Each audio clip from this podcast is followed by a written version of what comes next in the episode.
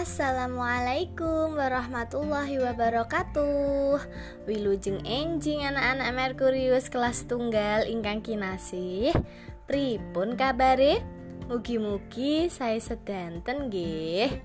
Dinten menika kita ajeng sinau babakan dongeng Semester setunggal sampun nggih anak-anak Merkurius Dongeng iku cerita Dongeng umume paragane kewan. Sanajan kewan bisa tata jalma, yaiku urip kaya manungsa. Ana uga sing paragane manungsa. Timun emas, cindelaras, lan liya-liyane.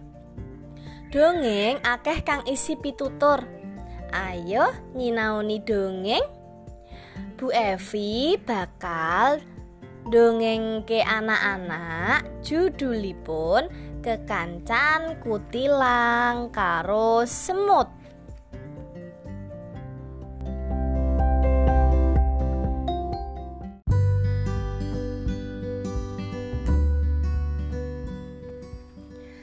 Kekancane kutilang karo semut.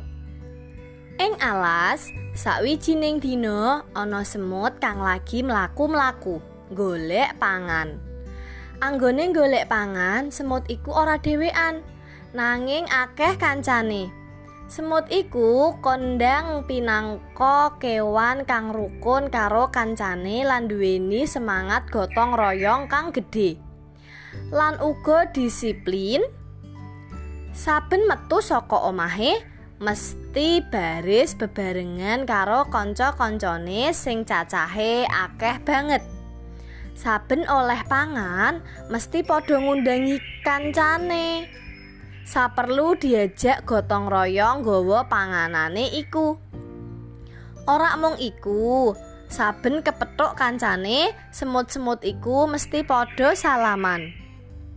Nengah-nengahe lagi mlaku kanthi baris karo kanca-kancane ana ing sawijining uwit, dumadakan ana angin gedhe tumiyup. Semut-semut iku enggal-enggal padha golek cekelan. Ana sing cekelan godhong, ana uga sing padha cekelan kayu. Utawa apa bae sing bisa diranggeh. Saking bantere angin, ana salah siji semut sing kabur. Dheweke kurang kuat anggone gondelan utawa cekelan. Mula banjur kabur katut angin. Sawise kabur kegawa angin, semut iku tiba ing sapinggire kali kang banyune agung. Semut iku gelagepan merga ora bisa nglangi. Dheweke megap-megap. Sedelo kelelep sedelo mecungul. Nalika dheweke wis meh kentekan napas, dilalah ana manuk kutilang sing weruh. Ngerti si semut glegepan kentekan napas lan wis meh kelelep, enggal-enggal si manuk kutilang nyucuk godhong garing ing sacedhake nuli diuncalake ing sacedhake semut. Karepe aweh pitulungan marang semut. Muga-muga si semut bisa ngranggeh godhong garing sing diuncalake ing sacedhake. Mangkono pangarep-arepe manuk kutilang. Godhong sing diuncalake dening manuk kutilang tiba ora adoh saka panggonane semut arep klelep. Weruh ana godhong ing sacedhake, semut enggal-enggal ngranggeh lan lan numpak ing sandure. Semut bisa bali noto ambekane. Napase saiki wis ora megap-megap meneh. Semut slamet ora sida klelep ing kali merga pitulungane manuk kutilang. Saka ing sandhuwure godhong garing iku semut nyawang manuk kutilang sing ngoceh ana ing pang uwit ing sandhuwure. Sanajan manuk kutilang ora krungu, nanging semut ngucapke panuwun marang manuk kutilang. Matur nuwun kutilang, kandhani. Semut banjur bali menyang omahe kanthi slamet. Tekan ing omahe, dheweke banjur nyritakake lelakone sing gelagepan gentekan napas arep kelelep lan ditulungi manuk kutilang. Manuk kutilang iku ngerti kekancan karo padha-padha kewane. Awake dhewe kepon kepotangan budi karo dheweke. Mula sak wektu-wektu dheweke butuh pitulungan, awake dhewe kudu enggal-enggal nulungi. Kandhane pimi pemimpine semut. Nuju ing sawijining dina, nalika srengenge wis madangi jagat, manuk kutilang ngoceh kanthi swarane kang endah.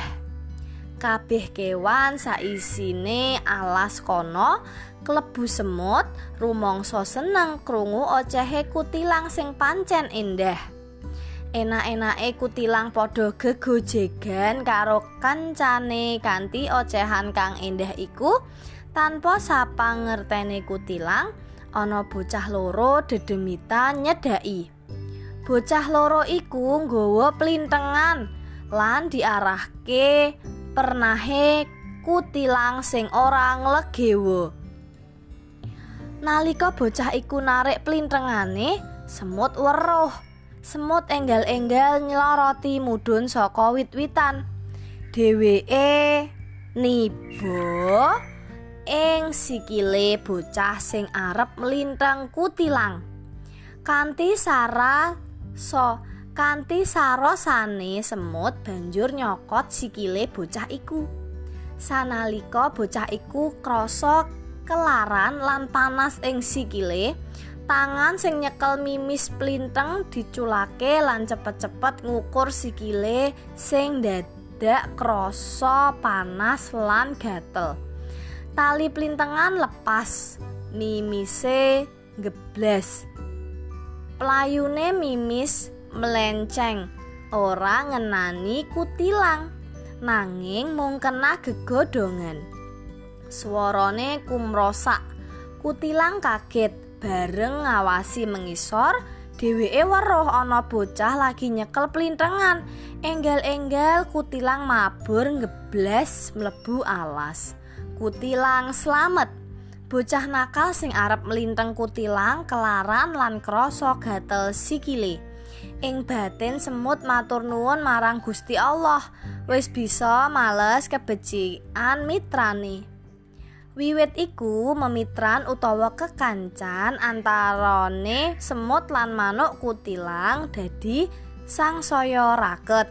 Kewan-kewan iku urip rukun tulung tinulung.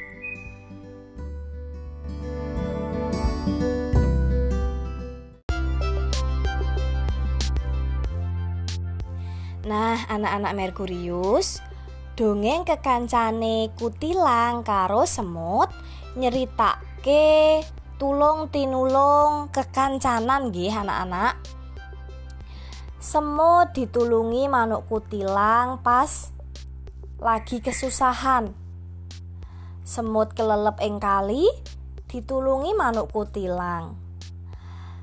Semut nulungi manuk kutilang pas lagi arep kena musibah. Musibahe iku ana bocah nakal arep melinteng manuk kutilang. Nah, semut nulungi manuk kutilang. Semut nyokot sikile bocah nakal. Ngoten nggih anak-anak Merkurius, urip iku kudu tulung tinulung. Hidup itu harus tolong menolong. Ya.